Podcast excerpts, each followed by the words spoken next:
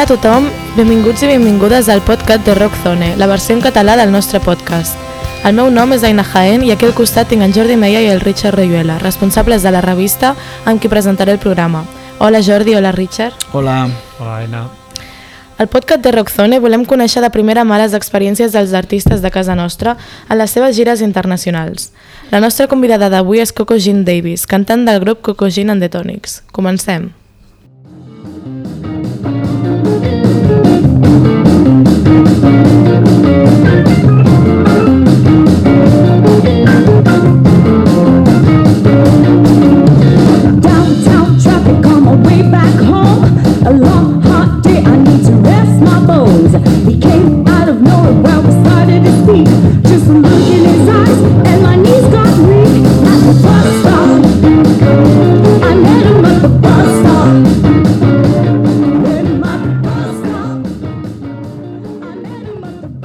Qualsevol que hagi vist a la Coco Jean Davis a sobre un escenari haurà comprovat que és un autèntic huracà.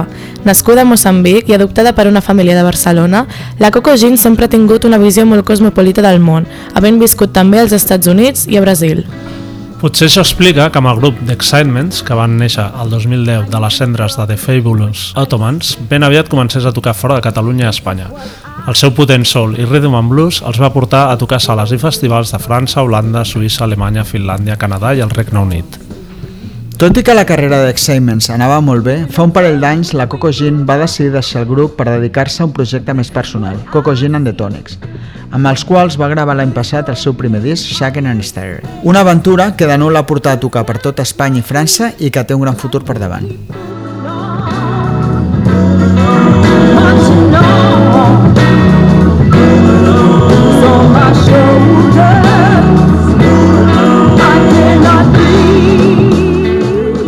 Hola Coco, moltes gràcies per ser aquí. Si et sembla, comencem pel principi. Quins records musicals tens de la teva infantesa a Moçambic i quins van ser els primers artistes que et van agradar o cridar l'atenció? Els primers records que tinc, uau, jo crec que pf, a casa meva s'escoltaven molt i veiem molt, molt de, molts um, musicals.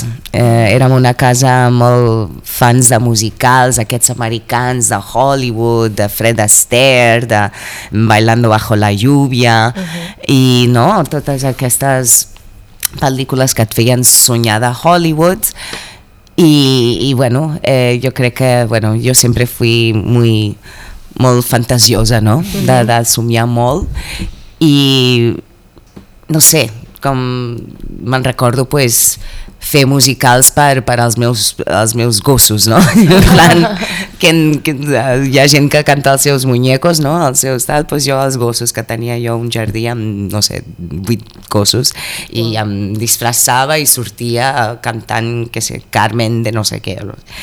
Llavors, pues sí, sempre d'alguna manera em- em- m'agradava el show, show business, entertainment. La meva germana em, em disfressava i fèiem shows per la família, coses així. Eh, i sí, i també ten, teníem la sort de que el meu pare i ma mare eren grans col·leccionistes de jazz, de rhythm and blues, de soul, tenien discos, no sé com. Jo crec que ells eren els revolucionaris, no? aquests estudiants dels anys 70, que és en plan tot era música eh, reivindicativa, eh, de jazz, molt de jazz, molt de gospel, de soul, curiosament, no? uns catalans a Moçambic escoltant música americana, no? eh, molt de Beatles, eh, ABBA, bueno, una mica de tot, la veritat, i això jo crec que pues, em va obrir a, a tot un catàleg i, i, i no, de, de lo que és la música i res específic, només acceptar i escoltar una mica de tot. Uh -huh. eh, pues sí, me'n recordo d'això. Llavors es podria dir que vas començar a cantar de petita, no? Més aviat. Eh, saps que la gent, la gent amb qui parlo després de 20, 30, 20 anys diuen, sí, no, es que tú de pequeña siempre estabas cantando. Jo no me'n recordo, jo no me'n recordo, però diuen, no, però això ho portaves a la sang. Quan jugaves futbol, eh, estaves allà ballant i fent de portera i sempre showman, sempre una show eh, woman, no? Sí. Eh, I el de cantar mm, ho vaig descobrir més... Jo crec que tenia 14 anys que em van descobrir. Em van descobrir a la classe de música eh, després de la classe de música d'això de venga va, profe, po- pots tocar el de Mariah Carey, no? Sí. Uh, Mariah Carey, Can't live without you. I jo ahí cantant i passa el director i diu, ostres, saps? Bueno, tú el, para el show de fin de año tienes ya un, un papel, ¿no? Un, y yo, no, no, no, que yo no canto, que no, no, no, no, que sí, que sí, que sí. I al final pues em van, em van forçar, en plan, que sí, i em van ficar amb el, amb el prof, professor de música eh, i me'n recordo el primer tema que vaig cantar públicament, de, així amb un públic, va ser un tema d'Aretha Franklin, que ja en aquell... Suposo que el professor va veure que la meva veu era molt de soul, ja, amb 14 anys. I gràcies a això sé qui és Aretha Franklin i, i acabo sent pues, qui sóc. A banda de Moçambic i Catalunya, també has viscut als Estats Units, al Brasil... Sí. I vas tenir algun projecte musical a, a aquests països? O no? Eh, jo vaig sortir, eh, me'n vaig, vaig marxar de Moçambique, crec que amb 19 anys, jo 20, per anar a la uni als Estats Units i just aquesta temporada dels, que, dels 16 als 19 és quan em, me voy descubriendo, no?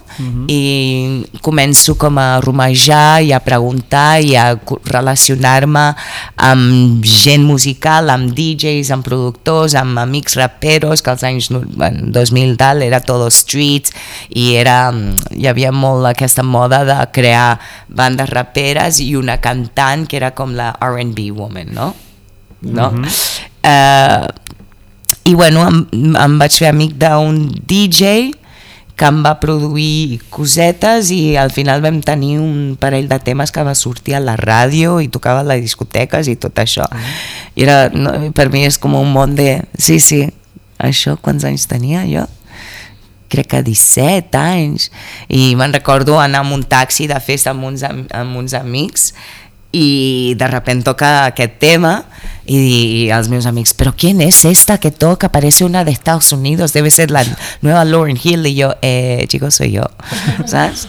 Uh, aquest va ser el meu primer record de mama, estoy en la ràdio.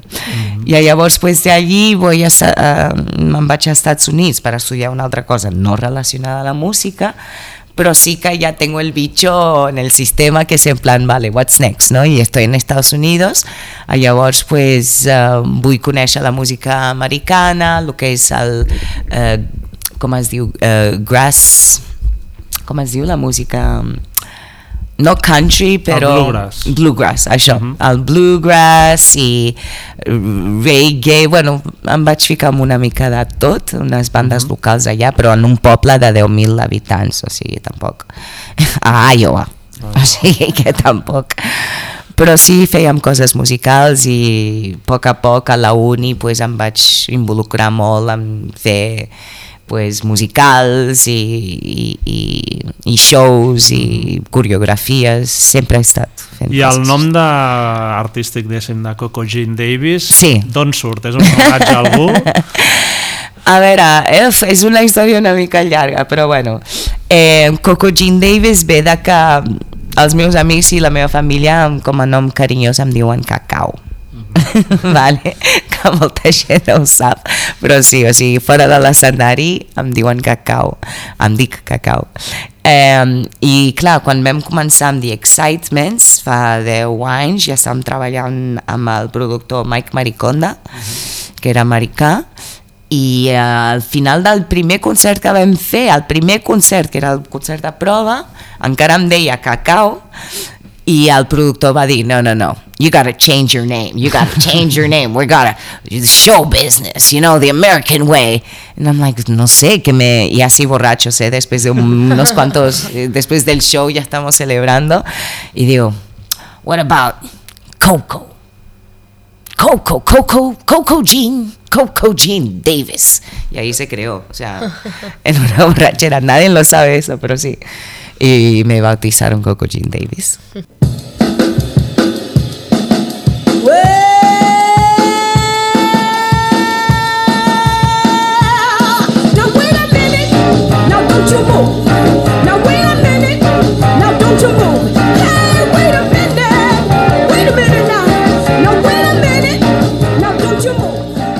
De fet, bueno, has mencionat Excitements, no? que es van fundar el 2010, durant, va ser la vocalista durant 10 anys. Uh -huh. Ens podries explicar una mica els orígens del, del grup, com us vau conèixer? Els orígens, eh, The Excitements, bueno, fundada per, per, per Adrià Gual, el Tess, um, Adrià Gual i el Dani, uh, que era el baixista, que ells pues, ja havien tocat junts feia temps amb Fabulosos Ottomans, tots aquests grups de rhythm and blues que estaven a l'escena fins als principis dels 2000 i feien cosetes, no? I després van decidir que volien fer un projecte més seriós, més, més seriós. Ja estaven buscant, mai havien treballat amb una noia i deien, bueno, pues si fem una cosa així, rhythm and blues, amb una noia, en plan, allo, Sharon Jones and Tap Kings, però...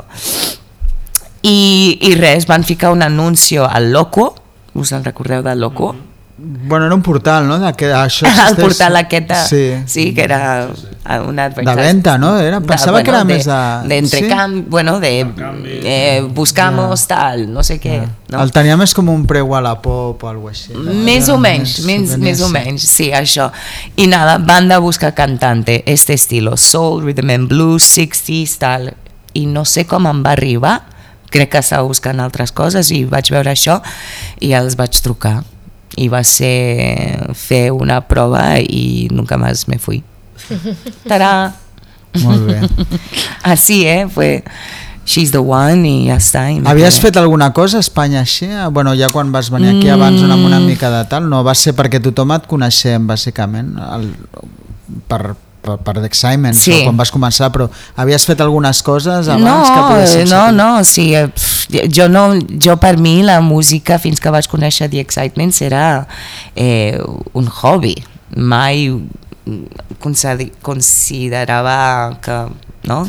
com una professió seriosa per mi, jo tenia, treballava a un despatx, eh, administració, tot això, però per les nits m'anava a les jam sessions, que al final es en plan, sí o sí naturalmente vas hacia lo tuyo, ¿no? Y era una época, als 2007, 2008, 2009, que hi havia una escena bastant xula de jam sessions al What the, what the fuck, what the F, uh, jam session allà, a on? Al, a la plaça... El Jamboree, Pla- no? Suposo. Al Jamboree, Plaça Real, tot això. I jo pues, de, de vez en cuando iba i eh, llavors pues, els, no? jo canta, cantava un tema i me marxava. I, oh, canta otra. No, no, no, que aquí no me pagan. en plan, pay me. Eh, i, al, I al mateix temps, pues, no sé, també estava involucrada en R&B, hip-hop, música més, més urbana, de fet, més urbana, però res sèrio. Feia cosetes, eh, cantat a discoteques, fent de vocalista, o sigui, tot, tot el que jo podia, però cap estil específic, però la meva passió sempre ha sigut el soul. The Excitements veu publicar el vostre primer disc al 2011, que va tenir una acollida molt bona. Sí. Quins records tens d'aquells primers anys amb, amb el grup? va, va ser una època molt excitant eh, això, era una època que no tenia molta competència no hi havia bandes que que tenien aquesta filosofia, manera de fer les coses el lo American way. Um, per portar una banda com The Excitements requereix una disciplina brutal um, una manera molt out of the box però clàssica, manera molt mm, vieja escuela de pensar i de realment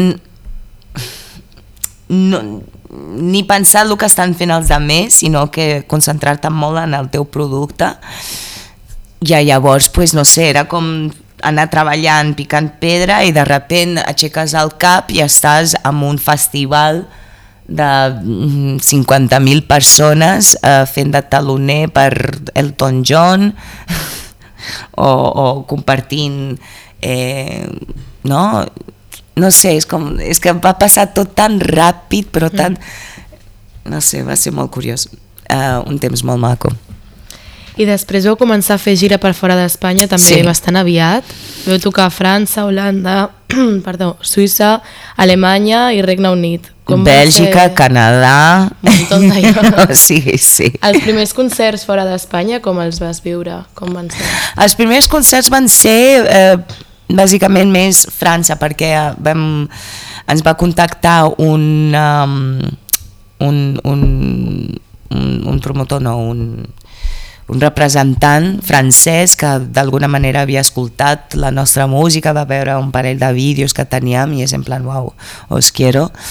Um, això va ser amb el Bass Productions, Bass Prod, amb el Guillaume, i va ser gràcies a ell que vam començar a sortir de d'Espanya i ell tenia molts contactes en festivals, era un promotor molt bo.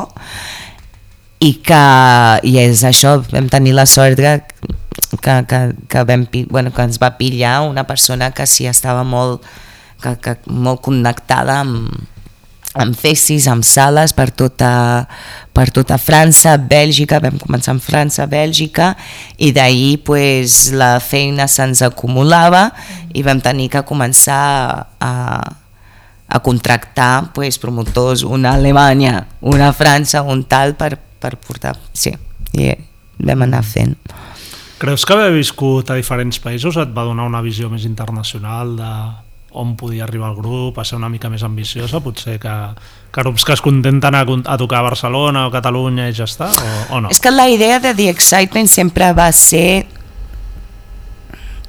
no només tocar a, a Espanya i no només tocar a Catalunya o sigui, ja de, des del principi vam pensar big jo crec que és molt important no? Eh, o sigui, això ho teníem super super clar vam tenir sort però també ho vam currar moltíssim de que o sigui, tocar el mínim a Espanya i a Catalunya i jo crec que això va ser un dels, dels, dels nostres no, no, no de, del, del part de, gran part del nostre èxit. És que no tocava molt a Espanya o sigui, ens passàvem 70% del temps a fora. El fet de ser jo internacional bueno, no, no sé, no, no, I don't know. Yo siempre, simplemente iba donde me, me, me, me enviaven. I ja està. El que simulava molt és com jo vinc d'una escola a Moçambic que era internacional, una edu- educació internacional de, o sigui, gent de tots els països, molava molt perquè ostres, jo tinc un amic, me'n recordo el de Bèlgica, me'n recordo el d'Holanda i podia contactar els meus amics d'infància i em venien a veure exnovis i tot això, és en plan, no, que és en plan, ara eres una estrella, pues sí. Mola. De, de fet, bueno, coses com el que has dit de sortir molt fora, vau tocar doncs, a llocs com Canadà, no? vau fer Sí. festivals a Montreal, a Quebec. Sí. Eh, també als Estats Units, no sé si vau arribar a tocar alguna vegada. També et no, volia també et volia comentar eh, com això, si a llocs, per, per exemple, potser Canadà no tant, però també n'hi ha una força influència pues, de, ja estan més acostumats a escoltar soul o músiques com les, les que feu Excitements Sí. que a Europa, no? N'hi ha més tradició. Realment era un repte extra, vull dir, tenir que anar allà fent una música que ells estan més acostumats. Mm, sempre és, un, és una cosa bastant curiosa. Eh, jo crec que l'època que, que o sigui, l'època de The Excitements va ser una època molt excitant uh, per al fet de que va hi haver-hi un, ho diu aquesta paraula, però, paraula però revival, gràcies a la Amy Winehouse, Sharon Jones, um, totes aquestes bandes, un revival d'aquesta música um, i ho vam saber aprofitar molt bé uh, a qualsevol lloc. Estats Units mai vam arribar a anar perquè mm, per al fet de que, no, no, no ho sé, eh, ens van trucar del, com es diu, el festival aquest, són South by Southwest, un parell de cops, que és difícil entrar, no qualsevol banda et truquen especialment d'Espanya de, d'Espanya per anar a tocar South by Southwest, però la manera que, que, les, que els americans fan les coses, avui en dia, no crec que li donen valor a les bandes, és en plan, bueno, una banda més. Jo crec que vaig, vam sentir una mica això, no? Que és en plan, com, com que anem a un festival i ens hem de pagar-ho tot. O com ells no sé si paguen bé els músics, no sé, no, no tinc, no, mai vaig tenir aquesta sensació. Eh, per l'altra banda, a Europa sí. Europa funciona molt bé, especialment al nord, a Alemanya, a Bèlgica, a Suïssa, a eh, França, bastant. I amb això pues, ja, ja teníem suficient. No, Creus no, això? No, no necessitàvem Estats Que la banda tenia el nivell suficient per anar a un mercat americà i enfrontar-se... Sí, sí, jo crec sí.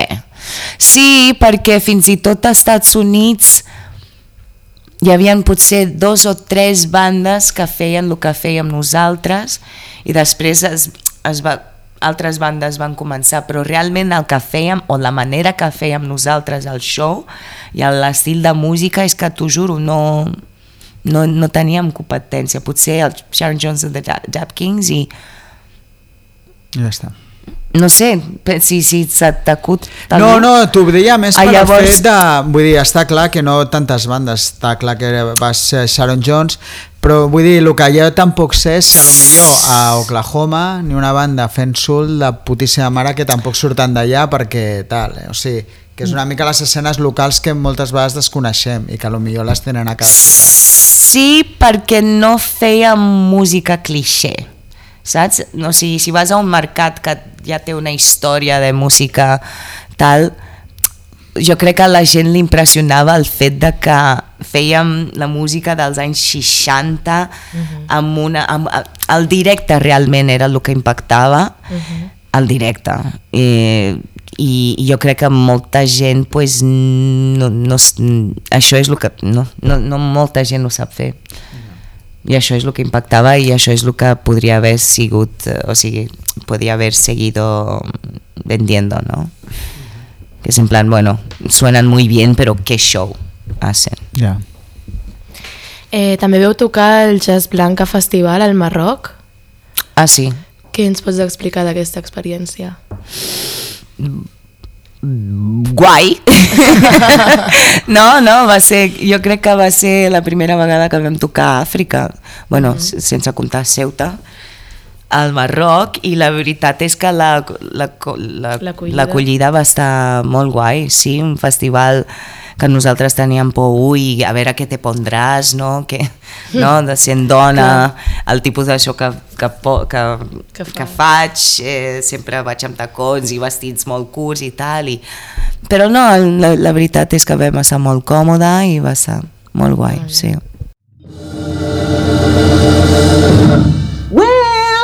It's Friday night.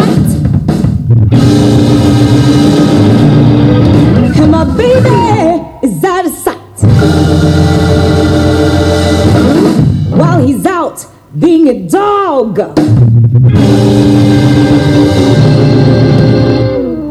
I'm gonna let my hair loose and put on my dancing shoes.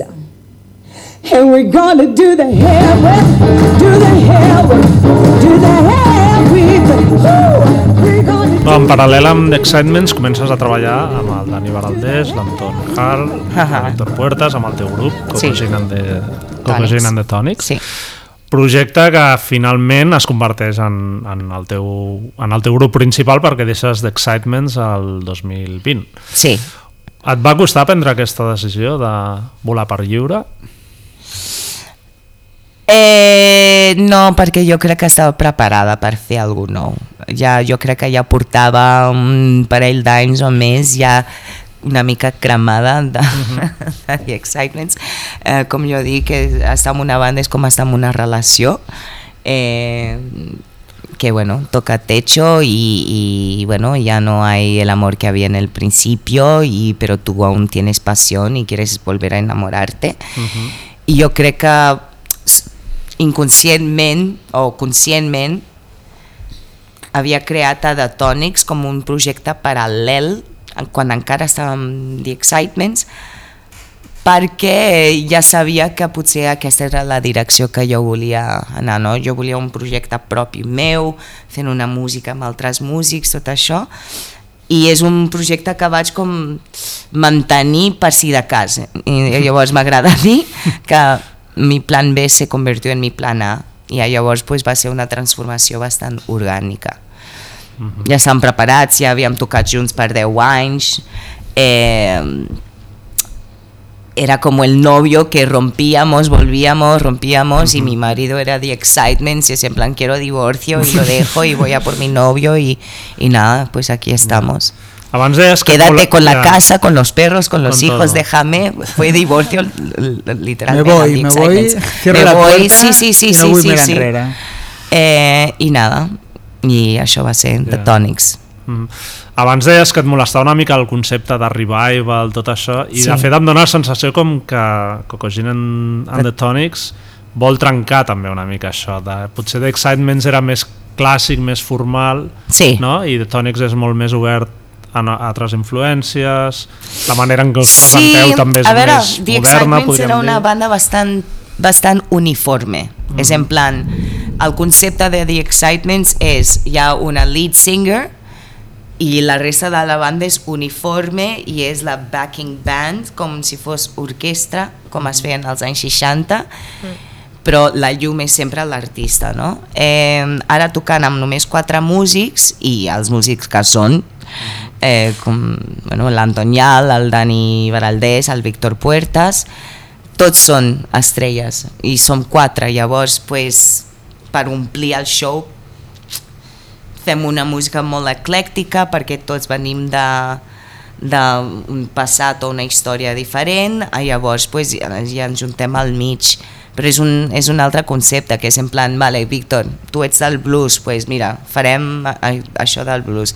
Antonial, pues tu ets del rock and roll no sé què, no sé, pues tal. Baraldés, ets del pop rock tal, pues, i jo del sol i més o menys és així com es crea el concepte que fem. Sí, Amb Coco Gin and the Tonics també heu tingut l'oportunitat de tocar molt a França. uh -huh. Ho teniu com a prioritat, seguir tocant fora d'Espanya? Absolutament, absolutament. Si és algo que he après és que s'ha de... Hay que, hay que hacerse querer y hacerse querer es no estar presente todo el tiempo y, y, y no cremar el, el, la zona, els terrenys, això és, està claríssim. Jo prefereixo fer menys concert, però quan, concerts, però quan els faig que vingui tothom i ho gaudeixi com una experiència, que no està tocant... El, això és un, és un Ja. dels, en plan, un dels secrets de l'èxit o no. És en plan, uf, ja, ja els veuré el, el mes que ve. pues no. I llavors pues, estic molt enfocada amb, amb buen ritmo i treballant amb Blues Track, amb Blues Track, que és la, els nostres managers a França, de que este el año que viene pues haremos más Francia y estem mirant Bèlgica i altres països fora de- d'Europa. També esteu preparant alguns concerts a Àfrica, no? Eh, sí, bueno, que, que, que encara no vull parlar massa d'això. Sembla que n'hagi una informació privilegiada. Perquè...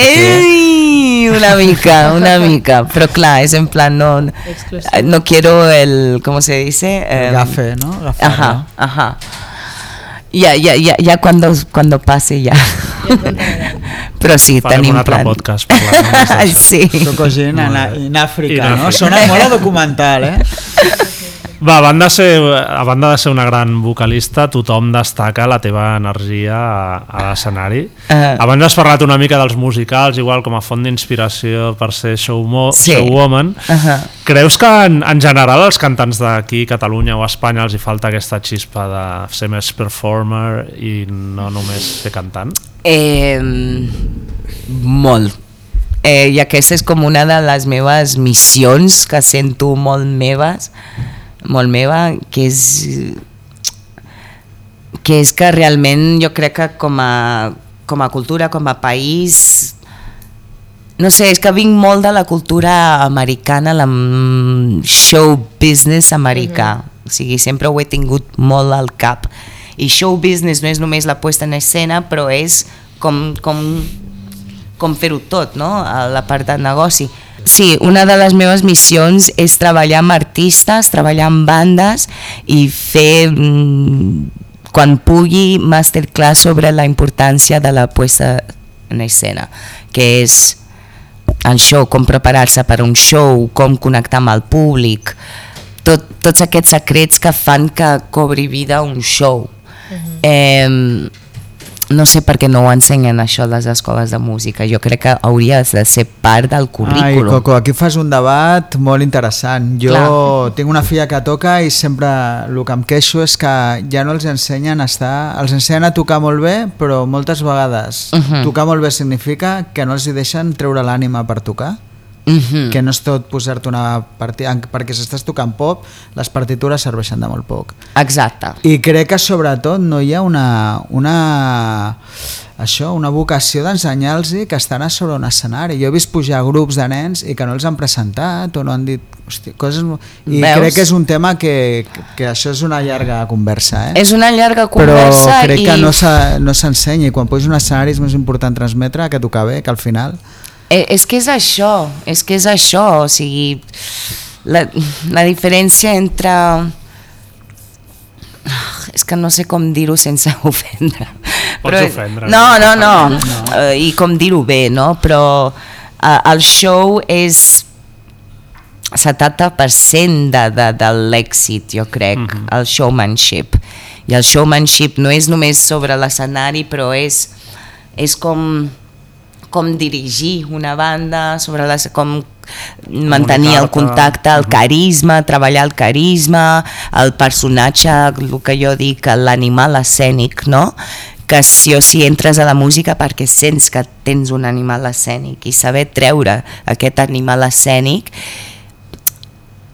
és que hi ha molta cosa darrere. Jo, jo tinc una masterclass dedicada només a això.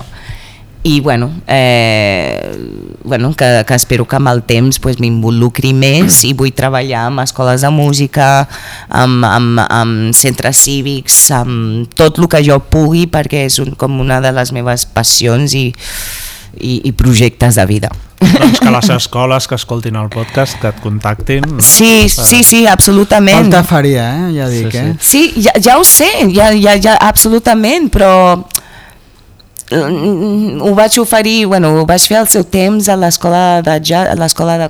Quin és el al Raval?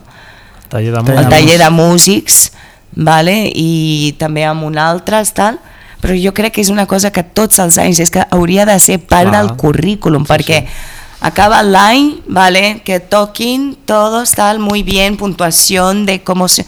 No, és en plan, eres, has de sortir de, la, de les escoles sent un producte vendible. I el producte no és només tocar bé, sinó que com es ven un show. I Per cert, quin, quin és el teu top 5 de frontmans i frontwomans? Ah, bona pregunta. Dani Nelo. de los Mambo Jambo. Vius de- o morts, eh? Fins i tot pot ser vale, per mort, això, també. per això, absolutament, per Bueno, això. Dani Nelo no està mort, no, No, has dit no, no, no. està mort, que, que no està Està mort, molt i molt viu. no, a veure, top frontmans. Mira, m'agrada molt, per exemple, el de... mm, Ai, com es diu la banda? Eh, Vintage Trouble.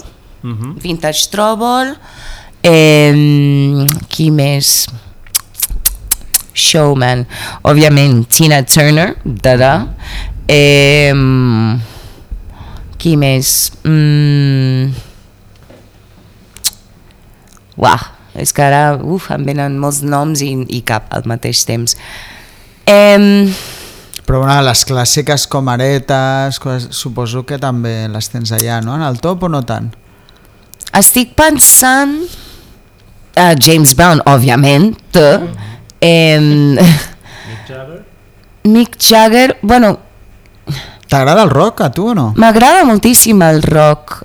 És que, és que fa poc que estava veient un vídeo d'algú i ara no se'm, no se'm ve al cap. Però bueno, bàsicament això, gent que surti a l'escenari amb determinació, que sàpiguin la importància... Ah, mira, fins i tot a Bruce Springsteen. Bruce Springsteen? Sí, el The Boss. Jo crec que és un super frontman i des de que tenia 20 anys fins ara manté aquesta energia i sap la importància del carisma de, de, de, i de la, la prop, no? de la propesa, es diu? Proximitat. la proximitat amb el públic. I això és una cosa que es té, s'entén o no s'entén. Hi ha gent que ho té, hi ha gent que no. If gonna be my lover, you better watch out. If you ain't gonna be my lover, you better watch out.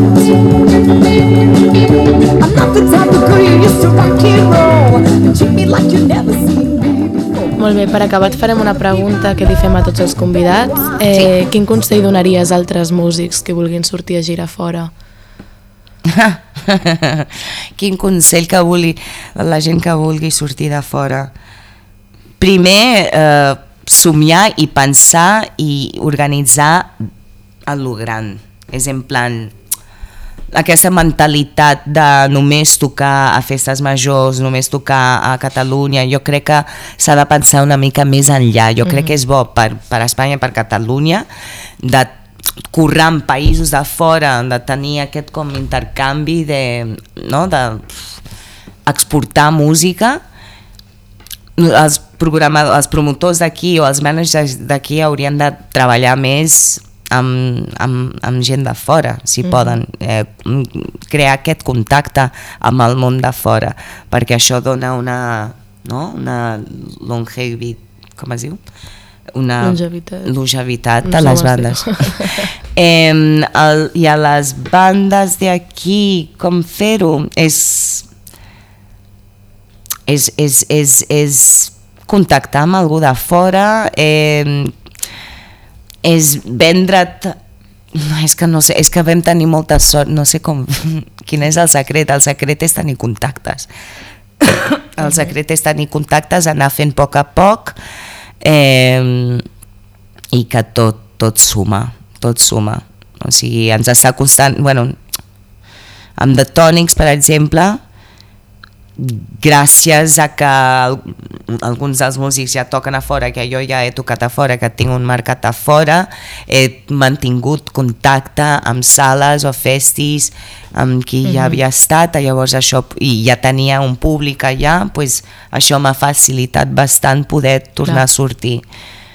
Eh, i estic intentant pues, seguir amb aquesta tal. I no, crear contactes, crear contactes a fora i comences poc, tu, picant pedra, però a poc a poc pues, aniràs fent, sí. I don't know, i good luck. Good luck. Molt bé, moltes gràcies. pues res, moltes gràcies per estar, Coco. Gràcies a vosaltres, espero que no... Jo és que me pone cat, eh, No, és molt nerviosa hablar- divertit, eh? La teva hablar. barreja d'accents i Sí? d'idiomes m'agrada molt, eh? és molt del segle XXI, realment, no, no ho Sí, dic en sí. sèrio, molt bé. Gràcies a vosaltres.